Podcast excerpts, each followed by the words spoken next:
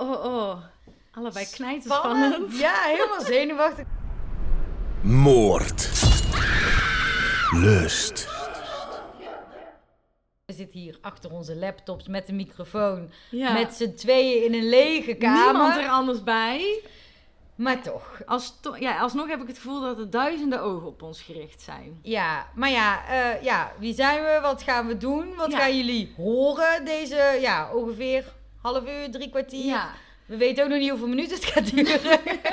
we weten nog niks, jongens. Nou ja, maar goed. Laten we inderdaad even beginnen met ons voorstellen. Nou, ik ben Anne, deze stem. En de andere stem, dat is... eh, Leila, hallo. hallo. Hopelijk kunnen jullie het een beetje uit elkaar houden Ja, qua en anders- stemmen. Maar anders, we zijn toch één. Want samen zijn wij. De seksologen met twee. Ja, Ja, wel, ik dacht jij gaat me aanvullen, maar eh, wij, we zijn de seksologen met twee en wij zijn allebei afgestudeerd seksologen. We hebben gestudeerd aan de KU Leuven in België, Ja. maar we zijn Nederlands. ja, want daar hebben we dus de master seksologie afgerond. Toen waren we al begonnen met ons Instagram kanaal, wat toen nog seksologen in spe was. En eh, ja, wat we eigenlijk allemaal wel heel leuk vonden. En Mhm. toen hebben we heel veel verschillende dingen gedaan. Ook video's gemaakt. Oh, wat leuk die ambulance zo op de. Maar ehm, toen hebben we heel veel leuke dingen gedaan. Hebben we ook video's voor Metro mogen maken. Eh, Voor de FIFA. voor de FIFA zijn we begonnen aan ons boek, wat 4 Ja. september uitkomt. En hele toffe dingen. En toen we afgestudeerd zijn, hebben we onze naam veranderd. En zijn we nu seksologen met Ja. twee. En hebben we naast alle leuke projecten ook nog eens een eigen praktijk online. Ehm, en werken we allebei ook nog eh, in België in een, in een eh, praktijk. Ja, in een fysieke praktijk Ja. eigenlijk. Dus ja, je kan met al je vragen, onzekerheden, dingen die je gemist hebt in je voorlichting, maakt niet uit, altijd bij ons terecht. Ja. En dat kan nu dan op de Instagram Seksologen met twee. Ja. Maar goed, eh, hoe leuk we seksologie ook vinden, want dat is echt onze grootste passie. Ja. Hebben we toch ook gezamenlijk een andere passie. En ik denk dat er ook heel veel andere mensen zijn die Mhm. deze passie hebben. Want wij luisteren zelf ook echt honderden podcasts. Want we zitten elke week echt heel veel in de auto. Ja, altijd samen. Altijd samen luisteren we superveel podcasts. En Ja. ook eh, hebben we het veel over dit soort zaken. Ja, over true crime zaken. En we hebben zelfs ook nog een hele periode gehad dat we niet naar podcast luisteren, maar dat we... Oh shit, nu ben ik het vergeten hoe het heet. Black Stories. Ja, Black Stories. Dat we Black Stories eh heel tijd speelden. Met ook nog de real crime ver- eh, versie. Ja, want eh, ja, wij gingen dus samen altijd naar Leuven toe. Hè. In het weekend gingen we dan terug naar Nederland. Maar door de week moesten we in Leuven zijn. En eh, we hebben toen ook één keer zo ver gehad toen het had gesneeuwd. Weet ja, je nog? dat was echt vier, vijf uur hebben we toen in de auto gezeten. Ja. Les gemist, konden bijna eigenlijk weer terug naar Nederland. Ja, en toen hadden, zaten we dus vier uur lang samen in de auto. Ja, dan heb je oprecht alle liedjes die je wilde luisteren wel gehoord, denk Ja. ik. En toen hadden we gelukkig Black Stories True Crime in het, ja. Ja. in het eh, handschoenenkastje, Ja, dat, hè? dashboardkastje. Dashboardkastje liggen. En toen hebben we dat gespeeld. En eh, toen zijn we ook heel de lessen nog doorgegaan, omdat we Ja. het niet konden loslaten, Ja. volgens mij. Ja, nee, we zijn echt... Ik denk dat je wel kan zeggen dat onze twee passies seksologie is en alles daaromheen. En dan true crime. Ja, en ook soms als we samen heel hard gewerkt hebben... Of heel, ja, voor ons bedrijfje Mhm. eigenlijk. Dat we dan soms als ontspanning inderdaad ook docus op Netflix gaan kijken over true crime en Ja. zo. En dat is dan echt een beetje het ontspanningsmomentje. Ja. En, Nou ja, en eigenlijk is het heel organisch dan verlopen dat we nu hier zitten en deze podcast opnemen. Moordlust. ja, moord en lust. Ja, Eigenlijk een beetje onze twee eh, liefdes in één. ingenieus bedacht, vonden we zelf. Ja, want eh, we gaan het dus in deze afleveringen... We gaan het ook om en om doen. Dus vandaag gaat Mm. Anne mij een zaak vertellen waar ik helemaal nog niks van weet. Ik ben echt zo Ja, zenuwachtig. ik vind het ook zo spannend wat jij gekozen hebt. Ja. En eh, ja, de volgende aflevering zal ik Anne een zaak vertellen. Mhm. En die zaken hebben allemaal wel een link met iets in de breedste zin van seksualiteit, intimiteit, relaties. Maar iets met die lustkant. Ja. Want ja, we wilden ook wel een beetje een bruggetje maken. Dus eh, er gaat een zaak besproken worden. En daarin, ik ben ook heel benieuwd wat voor lustobject daarin gaat zitten. Ja. En na de zaak zullen we ook dan, dan hebben we het stukje moord gehad. Nou is moord eigenlijk het overkoepelende voor de criminele activiteiten. Ja, die, want het die hoeft niet per se om moord te gaan natuurlijk. Nee. En het lustgedeelte wordt het stukje waarin we jullie eh, soms dingen zullen vertellen van waaruit iets ja, vandaan komt. Hè? Mhm. Dat, dat, iets, dat misschien seksologie wel wetenschappelijk onderzoek heeft gedaan naar bepaalde fenomenen. of zo, bijvoorbeeld. Of we gaan je wat eh, dingen vertellen, wat tips, zodat je op een Mhm. andere manier ergens mee om kan gaan dan dat het een criminele daad moet Ja. worden. Ja, En daarin eh, kunnen we onze andere liefde eigenlijk ja tonen. weer kwijt. Dus ja, ik denk dat dat wel is wie wij zijn, wat we doen. Ja. Ja. Ja, ik denk dat we kunnen gaan beginnen met eh, de zaak van eh, vandaag. Ja, en zoals we zeiden, Anne gaat dus de zaak vertellen. En ik zal, ja, de vragen die ik wil stellen, zal ik gewoon aan je stellen, denk ik. En dan, Ja. Nou ja, Ja. even misschien ook wel even grappig. Ehm, we doen dus dit ook helemaal voorbereiden en research en heel veel dingen uitzoeken. eh, documentaires kijken, podcast zelf luisteren, allerlei artikelen. En ik heb maar liefst twaalf kantjes getypt. ja, Anne is altijd de fanatieke. En ik wil ook wel zeggen, we zijn natuurlijk geen journalisten. En Nee. we halen onze informatie gewoon wat er op het wereldwijde web staat. Dus Mhm. het is ook niet dat we helemaal de archieven in kunnen, maar dan weten Ja. jullie dat. Maar ik denk dat dat ook wel duidelijk Ja. was. En als je bepaalde dingen schokkend vindt, want ja, er zijn niet altijd hele leuke dingen wat Mhm. gebeuren. Klik dan weg of sla een stukje over en ga naar, meer naar het einde toe, naar het luststukje. Maar Ja. dan, eh, ja, dan willen we wel gezegd hebben Ja. natuurlijk. En we zullen ook sowieso, als er echt heftige dingen komen, altijd nog extra het zeggen. Dat je het even Ja. kan doorspoelen. Ehm, maar goed, ik heb dus twaalf kantjes aan tekst voorbereid. Ehm, ja, jij had zelfs ook foto's Ja. en eh, hele data-analyse. Oh ja, ja, dat wilde ik ook. Die foto's die kunnen we natuurlijk niet laten zien via de podcast. Zou, Podcast. zou grappig zijn, maar ja. Ehm, Maar we willen ook via onze Instagram zo één keer in de maand of één keer in de zoveel tijd ook even een moordlust post schrijven. Waardoor waar je alle foto's dan weer kan zien van alle Oh ja. zaken. Ja, als je daarin geïnteresseerd bent, ja, Ja. dan kan je daar naar kijken. Ja, dus, ik heb ze niet voor niks allemaal gezocht. Ze zijn superleuk. nee, dus op de Instagram, seksologen met twee. Oké, Dan nou, gaan we maar naar het moordstukje. Ja. Moord. Oké, Lei. Nou, ik heb iets voorbereid. Zal ik maar eerst even gewoon de zaak, de titel geven? Ja. Oké, het is de zaak van de Lonely Heart Killers. Oeh. Ja. Klinkt wel spannend, maar ik, ik- het doet nog geen belletje rinkelen. Nou, het is dus wel, ik heb wel voor de eerste zaak een hele bekende zaak gekozen. Die, waardoor ik ook echt mega veel info kon ja, vinden. ik wil zeggen, jij stuurde dit weekend ook. Ik ben bezig met research. Ik ben nog steeds bezig met research. Ik heb heel Zes veel uur research later. gedaan. Ja, er is echt heel veel te vinden. En zelfs vanochtend nog, eh, toen heb ik een podcastaflevering klaar. En toen kwam ik weer nieuwe info tegen. Dus, oh my god, echt zoveel info. Maar ik was bang dat je hem kende, maar volgens mij niet dan. Nee, nee, nu gaat er nog geen belletje rinkelen. Nou, ehm, zal ik... eh, ja, ik zit even nog te zoeken hoe ik dit aan je moet gaan vertellen. Ehm, wil je dat ik eerst even wat voorinformatie geef over de twee hoofdpersonen? Ja, doe maar. Oké. Nou, laten we eerst even gaan zeggen waar het zich afspeelt. De Verenigde wel. Staten. Oké. Ja, dat is wel handig. Lekker ver van huis. Ja, en daar gaan de meeste moordzaken toch wel... eh, daar hebben ze veel meer serial killers dan dat wij hebben, of moordenaars überhaupt. Ehm, en het speelt zich af net na de Wereldoorlog, Tweede Wereldoorlog. En het gaat, de hoofdrolspelers zijn Martha Beck en Raymond Fernandez. Oké, Ja. ja. Dan ga ik eerst even iets vertellen over eh, Raymond Martinez Fernandez. Ik moet er gelijk aan een drankje denken. Altijd, Ja. Of Martini. Nou, Fern- ik, ga, ik noem hem geen Raymond, maar gewoon Fernandez op de achternaam. Dat is wel wat chiquer, toch? ja, ja, dat is goed. Oké. Oké. Fernandez die is geboren op 17 december 1914 op Hawaii. En beide ouders zijn Spaans. Ehm, maar ze bleven niet op Hawaii. Ze zijn op, toen hij drie jaar was, zijn ze eh, verhuisd met heel het gezin naar Connecticut. Excuses trouwens voor mijn uitspraken. Ik heb daar echt moeite mee. Ehm, maar dat weet ik van mezelf. Ehm, en over zijn jeugd is eigenlijk niet heel veel te vinden. Gewoon, denk ik, rustig, niet heel veel bijzonders. En eh, als tiener gaat hij terug naar Spanje, of nou ja, terug, hij is daar nooit geweest, maar zijn ouders kwamen daar vandaan natuurlijk. En daar ging hij op een boerderij werken van zijn oom. En daar trouwde hij op 20-jarige leeftijd al heel snel eh, met, zijn, eh, met zijn vrouw, een Spaanse vrouw. Nou, deze naam. Encarnacion Robles. Klinkt heel Hartstikke- Spaans. Ja, heel Spaans. En hij kreeg maar liefst vier kinderen met deze dame. Ehm, later liet hij ze allemaal in de steek. Oh, Lekker oké, lullig. plot twist, maar... Ja. Ja. Ehm, nou, en toen kwam de Tweede Wereldoorlog. En toen eh, koos Fernandes ervoor om bij de Spaanse koopvaardij te gaan.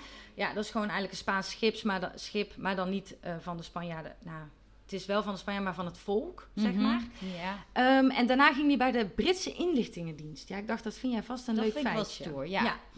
Ehm, maar na de oorlog, toen eh, de oorlog was voorbij, en toen besloot Fernandes, ik ga weer terug naar Amerika en daar wil ik de droom achterna gaan en ik ga daar werk zoeken. Echt wel die American Ja, Dream, hè? Dat ja. hoor je zo vaak. Ik, ik, ik snap het nog Nee, steeds niet. nee. Maar Iedereen wordt er toch in teleurgesteld, denk ja, ik. volgens mij wel. Maar goed, hij ging dus terug en dat ging destijds natuurlijk met een schip. Ehm, en eh, nou, ik denk dat dit een hele grote oorzaak van alles is wat hierna komt. Want toen hij op het schip was, toen viel er een stalen luik op zijn hoofd. Heeft hij een schedelbreuk gekregen en eh, heeft hij schade opgelopen aan zijn prefrontale kwap. Nou, dat is niet het beste dat hoor waar je je vaak, hè? Nee. Nee. En hierna, ehm, hij is toen, nou, het was aan het begin van, het, eh, van de vaart gebeurd. Dus hij werd teruggebracht naar het land, in het ziekenhuis. En daarna werd ook duidelijk dat ook zijn sociale en seksuele gedrag eigenlijk beïnvloed was. En gewoon Mhm. totaal veranderd was. Nou ja, toen hij uit het ziekenhuis ontslagen was, ging hij alsnog met de boot naar Amerika, naar Alabama. En ehm, toen hij daar aankwam, toen heeft Fernandes besloten... ik ga echt vet veel kleren stelen uit de boot. En allerlei andere Kleren items. ook Ja, heel, heel raar, vind ik. Ehm, en andere spullen uit de opslagruimte van het schip. Nou, die had hij allemaal mee. En eh, toen hij door de douane wilde gaan, werd hij opgepakt. En toen kreeg hij dus een straf. Ik vind het echt veel te veel. Maar hij kreeg een jaar celstraf voor... Omdat die kleren had gestolen. Ja. Nou. Jeetje, nou dan moet je hier in Nederland toch echt wel wat voor doen om een jaar opgesloten te worden. dan krijg je gewoon een boete. Maar daar dus niet. Ze, ze waren echt eh, heel hard. Ehm, en dit is ook wel een cruciaal punt voor Fernandes, want hij kwam in de gevangenis en zijn celgenoot eh, was iemand uit Haiti. En eh, die was heel erg in het voodoo-geloof. En die Mhm. heeft Fernandes toen bekeerd tot het Vodun-geloof. Dat is een onderdeel van de voodoo.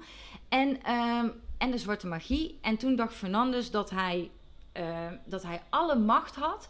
En een onweerstaanbare kracht en charme had over vrouwen. En hij zou seksuele krachten hebben. Nou, ik denk dat dat komt door die schedelbreuk. Maar Fernandes dacht, dit komt door voeden. En ik heb ineens heel veel macht.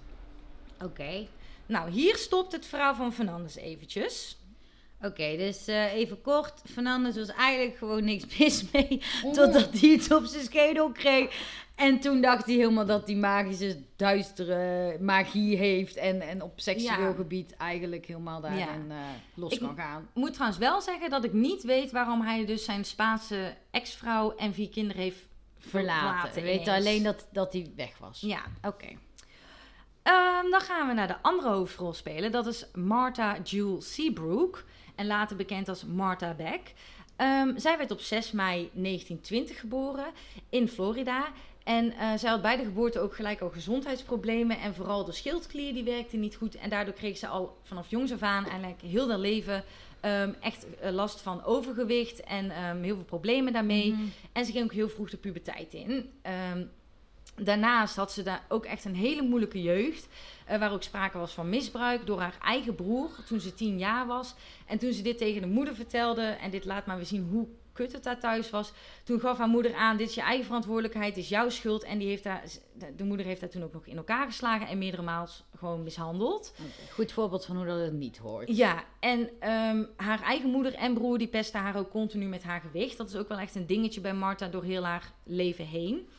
Ehm, en toen is zij ook als tiener weggelopen van haar huis. En ehm, toen is ze wel nog naar school gegaan. Hoe dat precies zit, weet ik niet. Ehm, en dat heeft ze gewoon afgemaakt. En later is ze verpleegkunde gaan studeren. Nou, ja, oh, leuk even om te weten. Ik ben eh, van vooropleiding verpleegkundige. En toen dacht ik, ja, deze casus ga ik kiezen. Maar die heeft ze ook goed afgerond. Dus ze is verpleegkundige. Alleen ze ging op zoek naar werk. En ik weet niet precies hoezo dat is. Maar vanwege haar overgewicht kwam ze nergens aan de bak als verpleegkundige. het is toch een beetje gek. Kijk, Ja. ik snap als je misschien hè, in die tijd model wilde worden, dat Ja. het invloed heeft. Ja. Maar je bent geen slechtere verpleegkundige als je Nee, dat zou je zeggen. Nee, Dus, ja. dus dat vond ik vreemd. Maar uiteindelijk heeft ze dus ook geen werk gekregen als verpleegkundige. Maar als, eh, ze werkte bij een assistent als begrafenisondernemer. En die, ze maakte de eh, vrouwelijke lijken klaar voor de begrafenis. Oké. Nou ja, goed. Ehm, uiteindelijk vond ze dit niks en is ze naar Californië verhuisd. En toen vond ze wel werk als, ehm, als verpleegkundige in een legerziekenhuis. En ehm, toen ze in het ziekenhuis werkte, ging ze in de after hours lekker naar werk, even de kroeg in. En daar flirten ze op los. En er waren heel veel, omdat het een legerziekenhuis was, heel veel militairen. En eh, daar had ze zo nu en dan ook een one-night stand. En ehm, eigenlijk was Beck niet op zoek naar one-night stands, maar eigenlijk altijd naar de liefde die ze nooit had gehad. En ehm, uiteindelijk werd ze zwanger van een van deze mannen, van die militairen. Ehm, en toen heeft ze de vader proberen te overtuigen om met haar te trouwen, maar dat wilde hij absoluut niet. En hij wilde het zelfs zo erg niet dat hij een uh, zelfdodingpoging heeft gedaan om van de San Francisco, die brug, de Golden Gate, af te springen. Of in die rivier te springen. Alleen heeft hij dat overleefd en toen is hij daarna ook nooit meer teruggekomen in haar leven. Dus toen was ze alleenstaand. Het is wel heel een heftige manier om er onderuit te komen. Ja, dat eh, zeg, wij zijn sowieso altijd voor communiceren. Dat was hier misschien ook wel een goede Ja. geweest. Ja, Ehm, of nou veilige seks hebben. Ja, dat is ook wel een goede. Ja, misschien in die tijd was dat natuurlijk wel er lastiger. wel. Ja, ja, dat is waar. Maar toch lastig, denk ik. Ja. Nou, na dit ook wel trauma, denk ik, voor Marta, eh, is, heeft ze besloten om terug te gaan naar Florida. En ehm, daar eh, was ze ook helemaal in rouw om deze man. En nou, toen ging ze dus nog bevallen van het kindje. Het heeft zelfs toen de plaatselijke krant eh, gehaald dat haar man in de militaire, dat dat een militair was. Die heeft gevochten voor het land en dat ze nu alleen is met haar kindje. Nou, ze kreeg er heel veel aandacht mee. Ehm, en ze kreeg toen een dochtertje. En snel daarna werd ze weer zwanger. Ehm, van een buschauffeur. Ik dacht even andere beroepscategorie. Ja, ehm, en het stel dat eh, trouwt ook snel, maar ze ging ook heel snel scheiden. Zelfs voordat het kindje überhaupt geboren werd. Zes maanden waren ze getrouwd en toen gingen ze scheiden. En na de scheiding beviel Martha van haar tweede kindje een zoon. Nou, goed. Even hoe het er nu voor staat. Ze is werkloos. Ze is alleenstaande moeder eh, van twee kinderen. En ehm, Martha heel, houdt vanaf dit moment ook wel de achternaam van Alfred, van die buschauffeur. Mhm. Alfred Beck. Oh, dat vertelde ik net helemaal niet. Nou, Maakt die man uit, heet Alfred Beck. nu, ja. En vanaf nu is het dus Martha Beck. Dat zie je zo vaak. En vooral volgens mij in Amerika. Dat je dan de achternaam houdt van je ex-man. Ja, Ik vind dat best wel vreemd. Dat is hier niet zo, toch? nee, nee, ja. En zeker hoe het allemaal is gelopen, denk ik, ja. Als je een half jaar getrouwd bent en Ja, elkaar laat net, het even. net, een half jaar kent. Maar ja. Martha Beck. Ja, nou goed. Even kijken hoor. Waar waren we? Ze hield zijn achternaam. Ehm, nou, en ze had het natuurlijk heel moeilijk, werkloos, alleenstaande moeder. En toen had ze een beetje dat ze een vlucht had in haar eigen fantasiewereld. Dus ze ging heel veel romantische tijdschriften kopen en lezen, romans lezen. Ze keek heel veel romantische films Mhm. om helemaal maar te verdwalen. Ehm, en uiteindelijk vond ze in 1946 weer werk als verpleegkundige in een zie- kinderziekenhuis. En een jaar later, in 1947, plaatste een advertentie in The Lonely Hearts waarop Raymond Fernandez reageert. Ah, ik weet niet, ik, dit is niet deze, maar ik ken het lone, ik weet het Lonely Ja. Hearts, dat dat inderdaad van die advertenties waren die je dan in zo'n plaatselijk tijdschriftje of krant of Ja, zo kon zetten. Ja, dat, dat, dat weet ik nog wel inderdaad. Dat Mhm. doet me wel iets dagen, maar dat, dat was gewoon de tin- het, het tinderen van toen. Ja, ja, en dan zette je gewoon wat je zocht en wie je was. Heel kort, want hoe minder letters, hoe minder het kostte natuurlijk. En dan eh, kon je daarop reageren. Nou, oké. Even kijken hoor. Want nu kom ik dus aan, heb ik ze allebei voorbereid. Of eh, voorgesteld. Mhm. En nu komen we bij het verhaal. Oké, nu ken je dus Beck, Martha Beck en Fernandez, Raymond Fernandez. En nu heeft Martha Beck dus een eh, advertentie geplaatst in, The Lonely Lonely Hearts. Waar Raymond Fernandez dus op reageert. En laten we dan heel even teruggaan in de tijd. Nadat Raymond van, eh, de, uit de gevangenis kwam, helemaal dacht dat hij deze magische sekspower had. Ehm, toen dacht hij, nou, ik kwam hier om te werken, eh, maar wat ga ik doen? Ik ga oplichten. Dat is veel, ja, Handig. ja, dan krijg je veel meer geld. Ehm, wat hij had als oplichting, oplichting, omdat hij natuurlijk zo'n charme, zo'n ontiegelijk eh, charmante Echt man een was. Spanjaard ook. Ja, dan eh, dacht hij van, nou, ik zet het in met mijn zwarte magie. Eh, dit is trouwens allemaal sarcasme natuurlijk van mij. Maar, en hij reageerde dus op heel veel van die dames in The Lonely Heart. Van, ja, en ik, ik wil jouw man worden en laten we gaan daten. En hij hield er echt heel tientallen dames op na. Eh, waar Wat die knap dat hij dat ook allemaal kon Nou, onderscheiden en zo. Ik heb later dus een, ook een artikel gelezen dat hij in twee jaar heeft hij, eh, had hij 100 vrouwen. Nou, Dat je al die namen überhaupt kan onthouden. ja, en hij had echt flink eh, briefcontact met hun, liefdesbrieven. En sommige nodigde hij ook uit bij zijn thuis, bij zijn appartement. Dus het was een hele plan. Nou, dat is gewoon een fulltime baan. Ja, ja echt heel knap. Eh, nou ja, knap. Het is eh, knap Bewonderingswaardig. Ja, enigszins. Want nu was het ook, het, hield, werd, ja, het was alleen maar oplichten en om geld. En eh Fernandes die, ja, die troggelde van alles af. Geld, checks, eh, sieraden van de dames. En het was dan ook zo dat eh, het zelfs zo was dat hij met sommigen was verloofd of zelfs was getrouwd. Maar dat hij daarna, na de oplichterij, gewoon gone in de wind was. Gewoon vertrok. En dat heel veel vrouwen zich zo schaamden dat ze dit hebben toegelaten. Dat zo'n man dit kon doen. Dat ze nooit aangifte hebben gedaan bij de politie. Dus hij kon Ah, ook dus gewoon altijd hij ook door. goed op in natuurlijk. Ja, en hij nam ook wel altijd wat oudere vrouwen die wat meer kwetsbaar waren. En ehm, die mogelijk een uitkering hadden of met zijn pensioen of zo. Ehm, dat was trouwens ook eh, een onderzoekje wat ik eh, had eh, gezien. Dat is van romance scams, zo heet dit. Eh, dat de meeste slachtoffers altijd oudere dames zijn. Omdat Ah. ze dus eigenlijk meer kwetsbaar zijn. Ook zich lichamelijk niet tegen de oplichter of ja, aanvaller kunnen Verweren. verweren. En dat ze dus vaak een pensioen hebben die de oplichters gewoon meejatten en dan weg zijn. Ah, oké. Zich, als je het zo zegt, logisch, maar wel heel sneu natuurlijk. Ja. Even kijken hoor. Nou ja, goed. En toen kwam Fernandes dus op een advertentie van Beck uit.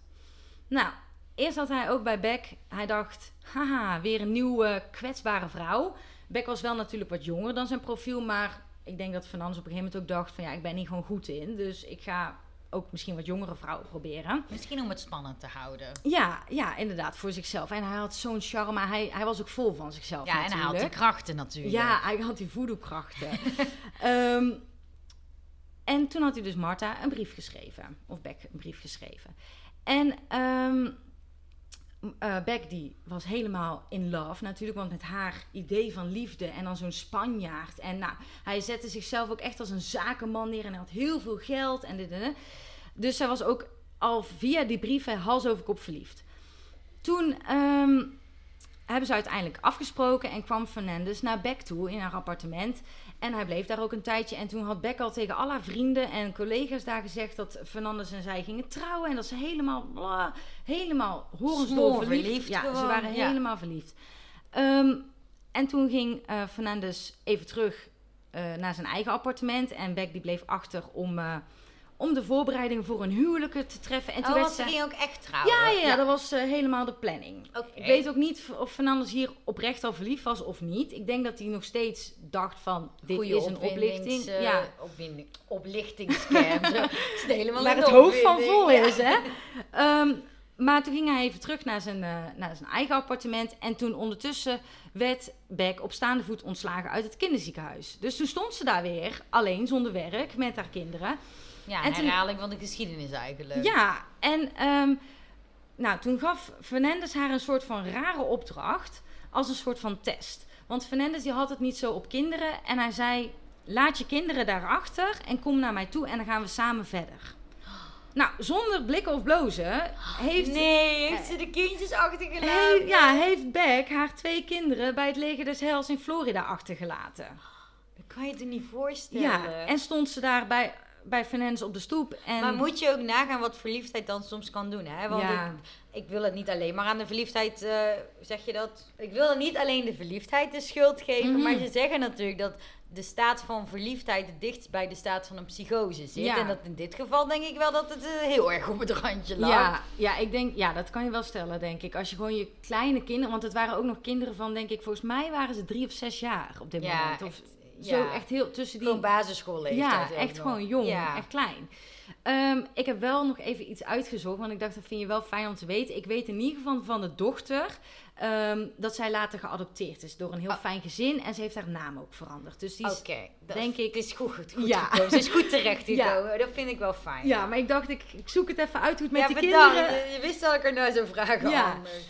Ehm, maar Fernandes zag, er was, dit was een test en hij zag dit als ultiem teken van onvoorwaardelijke liefde. En toen was hij denk om.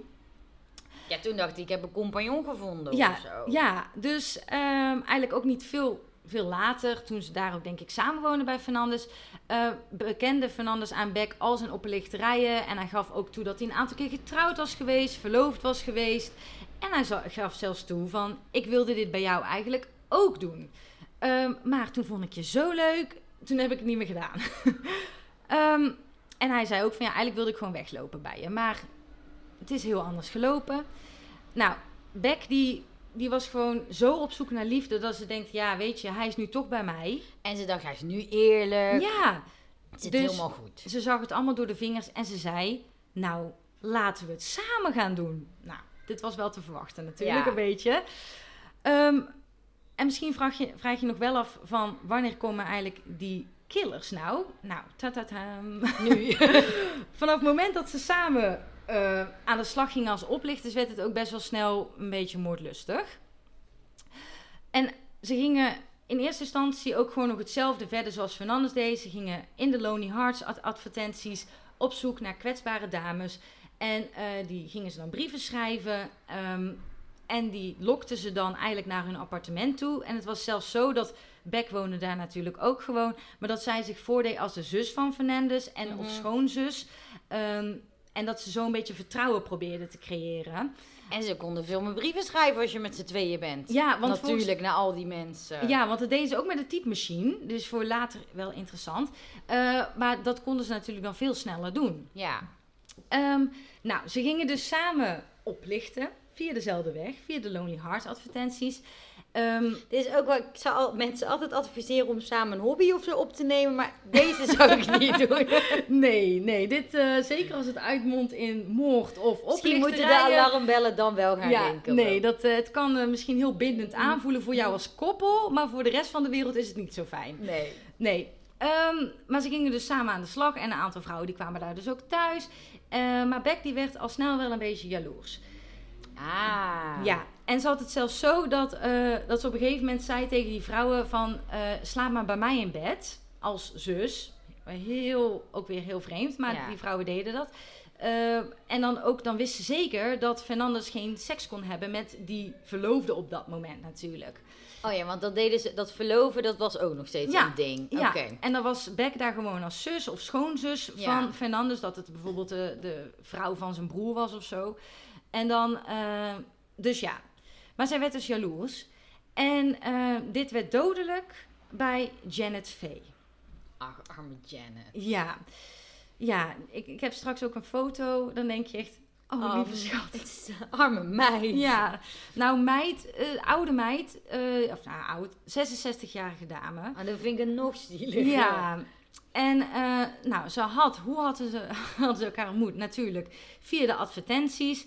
Ehm The Lonely Heart. Het Ja. klinkt ook een beetje wel sneu. sneu, een beetje Dan terug. vind ik de apps van nu toch wel leukere namen Mhm. hebben dan Lonely Heart. Dan Ja. denk ik ook wel, nou, dit is mijn laatste redmiddel. Ja, ja, ik vind dat je ze ook wel een beetje in een hoekje stopt, singles. Van je bent dan gelijk eenzaam en Ja. dat ben je niet.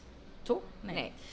Nou, en ehm, Janet Faye, de 66-jarige dame, die verloofde zich al snel met Fernandes. Zij kende Fernandes trouwens niet als Raymond, maar als Charles. Als een grote zakenman die het helemaal had gemaakt in het leven natuurlijk. En zij vertelde ook iedereen ehm, dat zij gingen trouwen en dat ze helemaal de liefde had gevonden. En nou ja, toen ging ze ook bij Beck en Fernandes in huis wonen. Leuke driehoeksverhouding. Ja, ja. Eh, Ja, toch zou ik het een beetje vreemd vinden. Maar ik denk dat eh, mevrouw V ook zo hoog tot de boter was. En ook, ja, Ja, want hij zou wel niet die magische kracht hebben gehad, maar hij zou wel zo'n goede charmeur zijn geweest dat hij het ook voor elkaar krijgt. Ja. Dat ze maar verliefd worden. Maar ook hè, dat het oké is dat ze dan bij Beck gaan slapen terwijl je Ja. met die man verloofd bent en zo. ja, nou ja. Het ging dus mis toen V niet bij Beck sliep en wel bij Fernandes in bed sliep. En toen zij tussen aanhalingstekens de liefde aan het bedrijven waren, toen kwam Beck binnen. Ehm, en die werd meteen natuurlijk echt eh Licht ging uit. jaloers. Ja. En echt moordlustig, letterlijk en figuurlijk. En zij pakte ergens een hamer. Die heb je ook gelijk ergens bij ja, de hand. Ja. En zij sloeg eh, in op vee haar hoofd. Ehm, en dit vond ik ook weer heel erg bijzonder. En daarna heeft Fernandes bedacht van, oh weet je, ik ga Vee ook nog wurgen. Dan is ze zeker dood. Dus Oké, en de haat was ook alleen maar op V gericht en Ja. niet op Fernand. Nee, nee.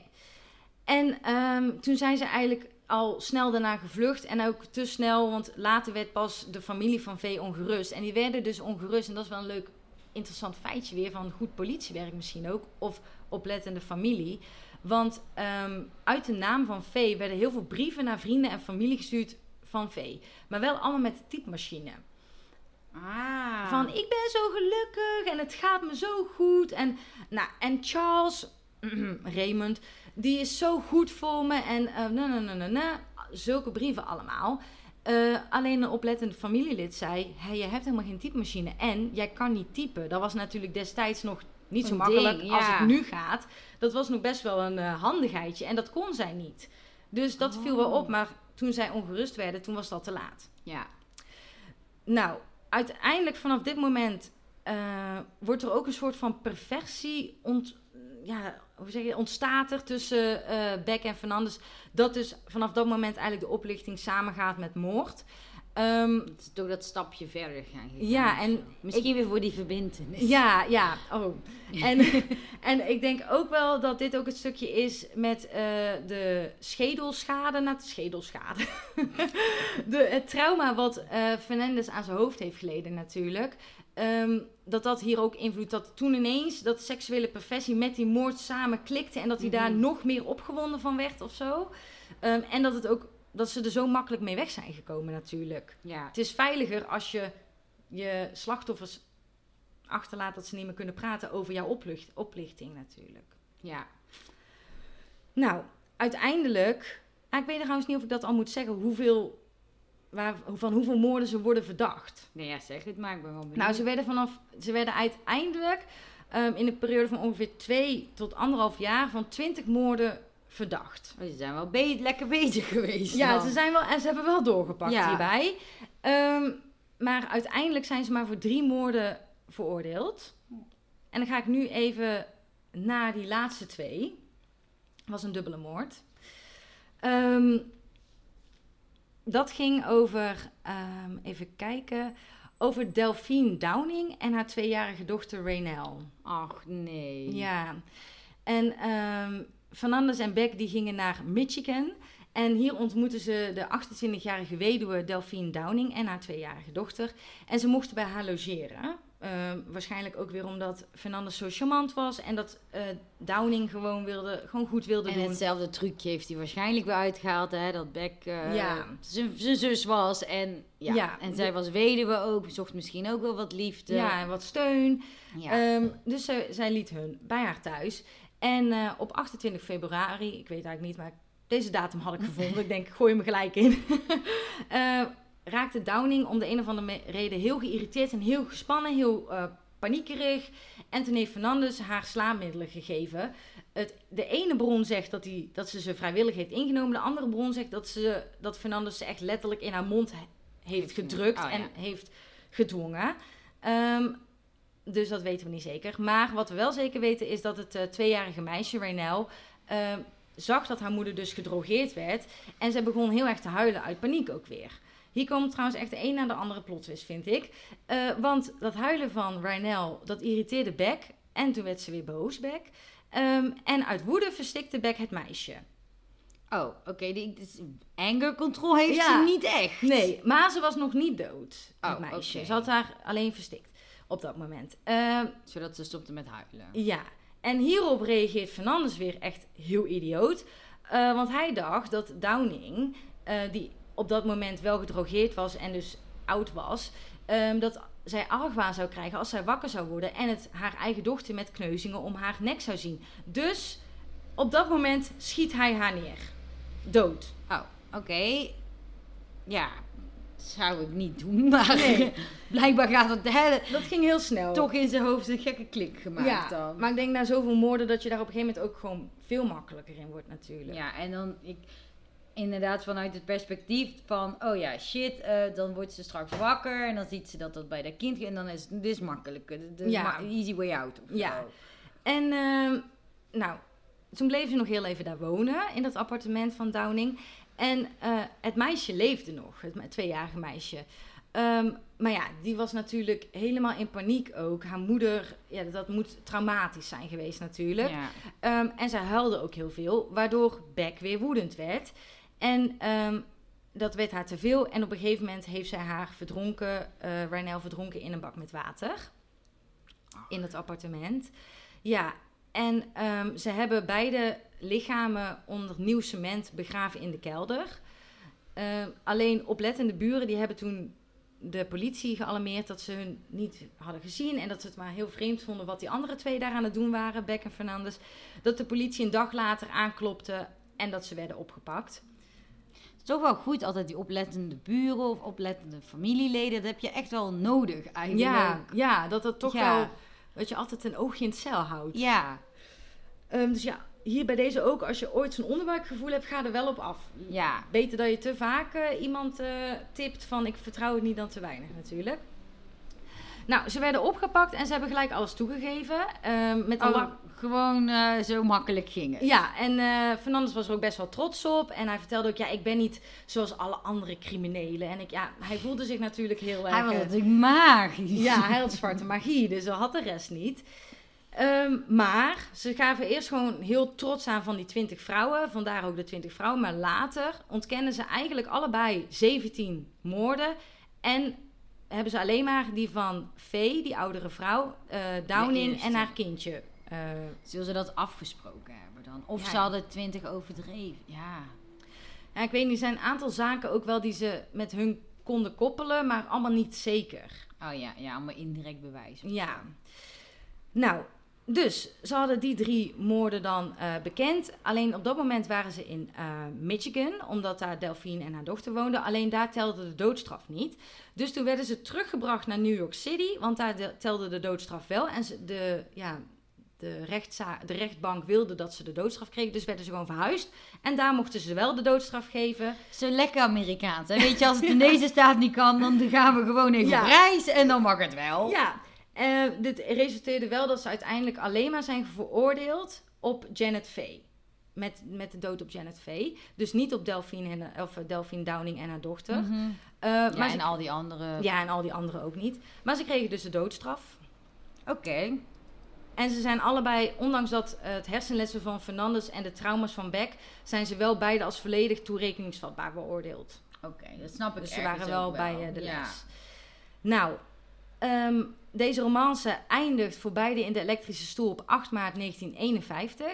Beck was toen 30 jaar oud en Fernandes 36 jaar. En ik heb zelfs zo'n research gedaan dat ik weet wat het laatste eten was geweest en de laatste woorden. Wil je ze weten? Ja, ja, ik ben nou wel benieuwd. Maar echt jong waren ze eigenlijk nog, want ik had helemaal niet meer zitten rekenen. Oh ja, Maar ja. ook als, hè, als die, die, die vee toen 66 Mhm. was, dan was hij ja, begin 30 of zo. Ja, waarschijnlijk denk ik drie, eh, twee, nou wacht even hoor. Oh, 34 Ja. jaar was hij, want ze hebben dit ongeveer in anderhalf jaar, twee jaar ja, gedaan. zit daar ook wel een groot leeftijdsverschil in. Dat die oudere dames misschien nog meer hadden van, oh, maar zo'n Mhm. charmante jonge vent. Ja, Ik snap dat ook nog wel extra. Ja, en dat was ook wel dat het familielid van eh, Janet V zei van ja het, ja, het leeftijdsverschil vond ik al wel wat opmerkelijk, maar ik accepteerde het. Maar toen die typemachine, toen vond ik het raar. Ja, zeg maar, toen viel het wel. op. Nou, het laatste maal, en dat wordt ook wel het galgenmaal genoemd, van Fernandes was een omelet met uitjes, Franse frietjes, chocoladesnoepjes en een Cubaanse sigaar. Oké. En ehm, ik heb hier nog een plot twist. Ja. Op het laatste avondmaal? Nou, op zijn laatste woorden. oh. Of eigenlijk, nou ja, niet helemaal op zijn laatste woorden. Eerst zijn laatste woorden. De laatste woorden van Fernandes waren, en ik zeg ze even in het Nederlands. Ik wil het schreeuwen, ik houd van Marta. Wat weet het volk nou van liefde? nou ja. ja. Het is wel een laatste liefde, hoe zeg je, een Ja, ode. Aan de liefde. Maar, Ja. plot twist. Tijdens zijn tijd op Death Row... ehm, heeft Fernandes nog altijd liefdesbrieven geschreven met zijn ex-vrouw uit Spanje. Huh? Ja, Maar die was toch helemaal buiten beeld? Ja, ineens was ze terug en eh, zij schreef ook wel gewoon. sexy nou, zij zo? schreef ook gewoon terug. En ze, hij heeft hem heel veel, zij heeft heel veel steun aan hem gegeven en troost. Maar toch riep hij dus: Ik houd van Marta. Oké. Nou. Oké, nou, goede plot wist wel. Want die was in het helemaal... Ja, out of the hele- picture. Ja. Dan gaan we eventjes naar Beck nog. Ja. Ehm, haar laatste maal was een gefrituurde kip, maar geen vleugeltjes. Oh. Franse frietjes en sla met tomaat. Oh, dan let zelfs nog op de groente de maand. Ja, ja. En haar laatste woorden aan de pers, ehm, die waren... Wat maakt het uit wie de schuldige is? Mijn verhaal is een liefdesverhaal. Alleen diegenen met liefde worden, die met liefde worden gemarteld... kunnen begrijpen wat ik bedoel. Ik werd afgebeeld als een dikke, gevoelloze vrouw. Ik ben niet gevoelloos, dom of idioot. Hoeveel misdaden zijn er wel niet in de geschiedenis van de wereld... toegeschreven aan liefde? Ja. Nou ja, ik vind wel dat je dan... eh, je hebt een goede gekozen als we, hè, als Ja. het over liefde en lust en weet ik veel hebben. Maar ja. Vind dan wel voor hun mooi dat hij nog hè, toch zegt van Marta, ik hou Ja. van je. En dat Marta ook wel laat zien van het is liefde. ja. Dat het dan toch wel van twee kanten kwam. Ja, dat het wel een ja, wederzijdse liefde was daar Ja. zo. En ze heeft ook nog wel laatste woorden gehad op de elektrische Maar je stoel. ziet trouwens ook al hoe gevaarlijk dan zo'n toxische relatie Ja, kan worden. Zo, dat kan heel snel uit de hand lopen. Ja. Eh, maar haar laatste eh, woorden, die ga ik wel in het Engels zeggen, maar die waren so long. Oké, ja, nee. Kan Ja. gebeuren. ja. En dan als laatste dingetje nog, het verhaal van Beck en Fernandes, die he- hebben ook de filmwereld en de seriewereld geïnspireerd, want er zijn heel veel films nagemaakt, zelfs met John Travolta als Raymond Fernandes. Oh, oh dan Ja. ga ik kijken. Ja, ik heb hem nog niet gekeken, maar ik wil hem wel echt eh, gaan kijken. Eh, maar er zijn dus, dit is er één van de tientallen, zeg maar. Dus je kan er eh, best wel even mee vooruit. Oké. Nou, bedankt eh, voor deze moordzaak. Ja. Alsjeblieft. The Lonely Heart. Killers. Ja, is op zich, ik vind het ook zo grappig dat ze aan alle moordenaars dan, dat doet natuurlijk vooral de pers en de media, dat het een naam krijgt. Ja. Maar ja, ik snap het eh, bij deze wel. Maar oké, ja. Dank u wel. Ik Zijn vind dat het, vragen? Nee, ik vind dat je het hartstikke goed hebt uitgelegd. Gelukkig. Ik vind het ook fijn dat ik het stukje geschiedenis heel erg mee heb gekregen. Dat- Ja. Ik was ook wel benieuwd van, oké, wat hebben ze dan gedaan en hoe zijn ze bij elkaar gekomen? Maar Ja, Ja. ik denk dat, die, eh, dat de eh, hoofdtrauma heel erg cruciaal is geweest. Ja, want dat is vaak ook, hè, als de amygdala, dat is Mhm. natuurlijk het centrum voor je gevoel. En zoals daar Mhm. al een één klein dingetje beschadigd is, dan kan dat een hele gekke agressie en zo veroorzaken. Ja. Dus wie weet wat er allemaal is gebeurd. Ja. Maar ehm, ja, bedankt Anne. Ik eh, ben nou helemaal nog zenuwachtig voor mijn zaak, eh, de volgende aflevering. Maar eh, ik denk een goede om in binnen te komen. Ja. Lust. Dan gaan we naar de tips toe. Ja. Want eh, ja, ik denk dat uit, deze, uit dit verhaal, uit deze casus kunnen we wel halen dat jaloezie dus ook hele vreemde dingen met je kan doen. Kan dodelijk zijn. En ja, jaloezie, het is iets, ik, het is wel een menselijke emotie. Het is Mhm. ergens ook wel goed hè, dat het Ja. er is. Het is ook, soms kan het ook fijn zijn dat je merkt dat je jaloezie hebt. Dat je toch wel denkt, oh, vind deze persoon betekent toch wel iets meer voor me op dat gebied Dan dat ik denk. dan dat ik denk. Maar ja, tips om om te gaan met jaloezie. Ja. En dan, ik denk, en dan vooral om te voorkomen dat je dus zo'n ziekelijke jaloezie, niet dat je iemand gaat vermoorden, maar ook dat je Obsessief ja, obsessief wordt. en dan de behoefte hebt om in telefoons te gaan kijken of niks meer vertrouwt van je partner of partners. Weet je wel, dat je, dat, dat je die jaloezie voorkomt. Eh, nou ja, tip eh 1 is denk ik gewoon praat hierover met de ander Mhm. of anderen. En zeg, ik merk gewoon dat ik jalo- jaloers word en ik vind het geen leuke emotie. En ik wil hier wat aan doen. Ja, nou, dat vind ik een goede tip. Ja, Daarom, het is altijd een beetje saai, maar communiceren is hierin natuurlijk wel echt super belangrijk. Ja, vind ik een goede tip. Ik ga ook even denken of ik ook zelf nog een tip heb. Nou, Ik heb alvast voor dan eh, voor tijdens, dat je denkt, tijdens dat je aan het denken bent, een Ja. tweede tip. Ehm, dat je, want vaak ligt er onder de jaloezie iets anders. Dat je bijvoorbeeld bang bent dat de ander, eh, je partner bij je weg wilt of gaat. En dat er eigenlijk ook onzekerheid onder ligt. Dus probeer je daarnaar te kijken van, met jaloezie is het vaak dat je Dat was mijn bek misschien ook wel, omdat ze altijd heel onzeker is. Ja. Dat ze eruit zag en ook Ja. niet echt een goede relatie heeft gehad als Mhm. voorbeeld. nee, als Fernandes nou zijn zwarte magie is op Beck had uitgevoerd, continu, had ze misschien minder onzeker geweest. Ja. Of was ze misschien minder onzeker geweest. Eh, maar kijk bij jezelf dus even waar die jaloezie vandaan komt. ja. Ik heb wel een derde tip. Oh ja? En dat is ook om na te gaan voor jezelf. ook wel waar die jaloezie vandaan komt, maar ook of je niet heel erg aan het vergelijken bent. Want daardoor Mhm. worden mensen heel vaak. Mens, jaloezie komt vaak uit een soort van wantrouwen of Mhm. onzekerheid, wat je zegt. Maar dat kan zijn dat bijvoorbeeld een ex-partner of scharrel of wie dan ook. Misschien dat die bijvoorbeeld een keer een misstap heeft begaan. En dat je daardoor die, dat ook heel erg projecteert op die nieuwe partner. Maar ja, die Mhm. nieuwe partner kan daar helemaal niks aan Nee. doen natuurlijk. En daarin vind ik het mooi als je dan dat niet zou kunnen verge- proberen om het te vergelijken. Maar ook dat ja-liefgevoel, dat is ehm, Mhm. wat, dat hoor je vaak bij mensen die eh, bijvoorbeeld polyamoreus zijn en die zeggen van ja, het is niet dat ik helemaal geen jaloezie ken, maar ik gun mijn partner Mhm. alles, waardoor ik dat jaloezie om kan zetten in het ja-liefgevoel. En dat Ja, klinkt zo ook- heet dat inderdaad. ja, en dat klinkt zoveel liever ook. Ja. En ik denk ook dat het is niet erg om soms jaloers zijn. Of dat je het misschien vervelend vindt dat iemand hè, alleen uitgaat bijvoorbeeld. Maar als je dat dan kan omzetten, kan denken... Oké, deze partner is niet net als mijn vorige partner. Mhm. Deze partner vertrouw ik. En ik gun diegene ook een hartstikke leuke avond. Dat je het op die manier om kan zetten. En toch, ik denk dat Ja. dat... Dus ook probeer voor jezelf een beetje te trainen... dat, dat je dat jaloerse gevoel een beetje om kan zetten Ja, omdenken. omdenken, ja. ik denk dat dat het is misschien niet echt zo'n bam spot on tip, maar ik denk wel Nou, dat het belangrijk wel. is. Ja. Nou, ik denk dat dat eh, drie hele goede tips Ja. zijn. Had jij nog verder? Nee, iets? nee, nee. Nee, eigenlijk niet. Nee, maar vooral net praten over als je dat gevoel merkt. En Ja. het is ook niet, het mag er ook zijn. Je bent Ja. ook soms wel eens verdrietig en soms ook wel We eens zijn boos. allemaal mensen. We zijn allemaal mensen, ja. Ja.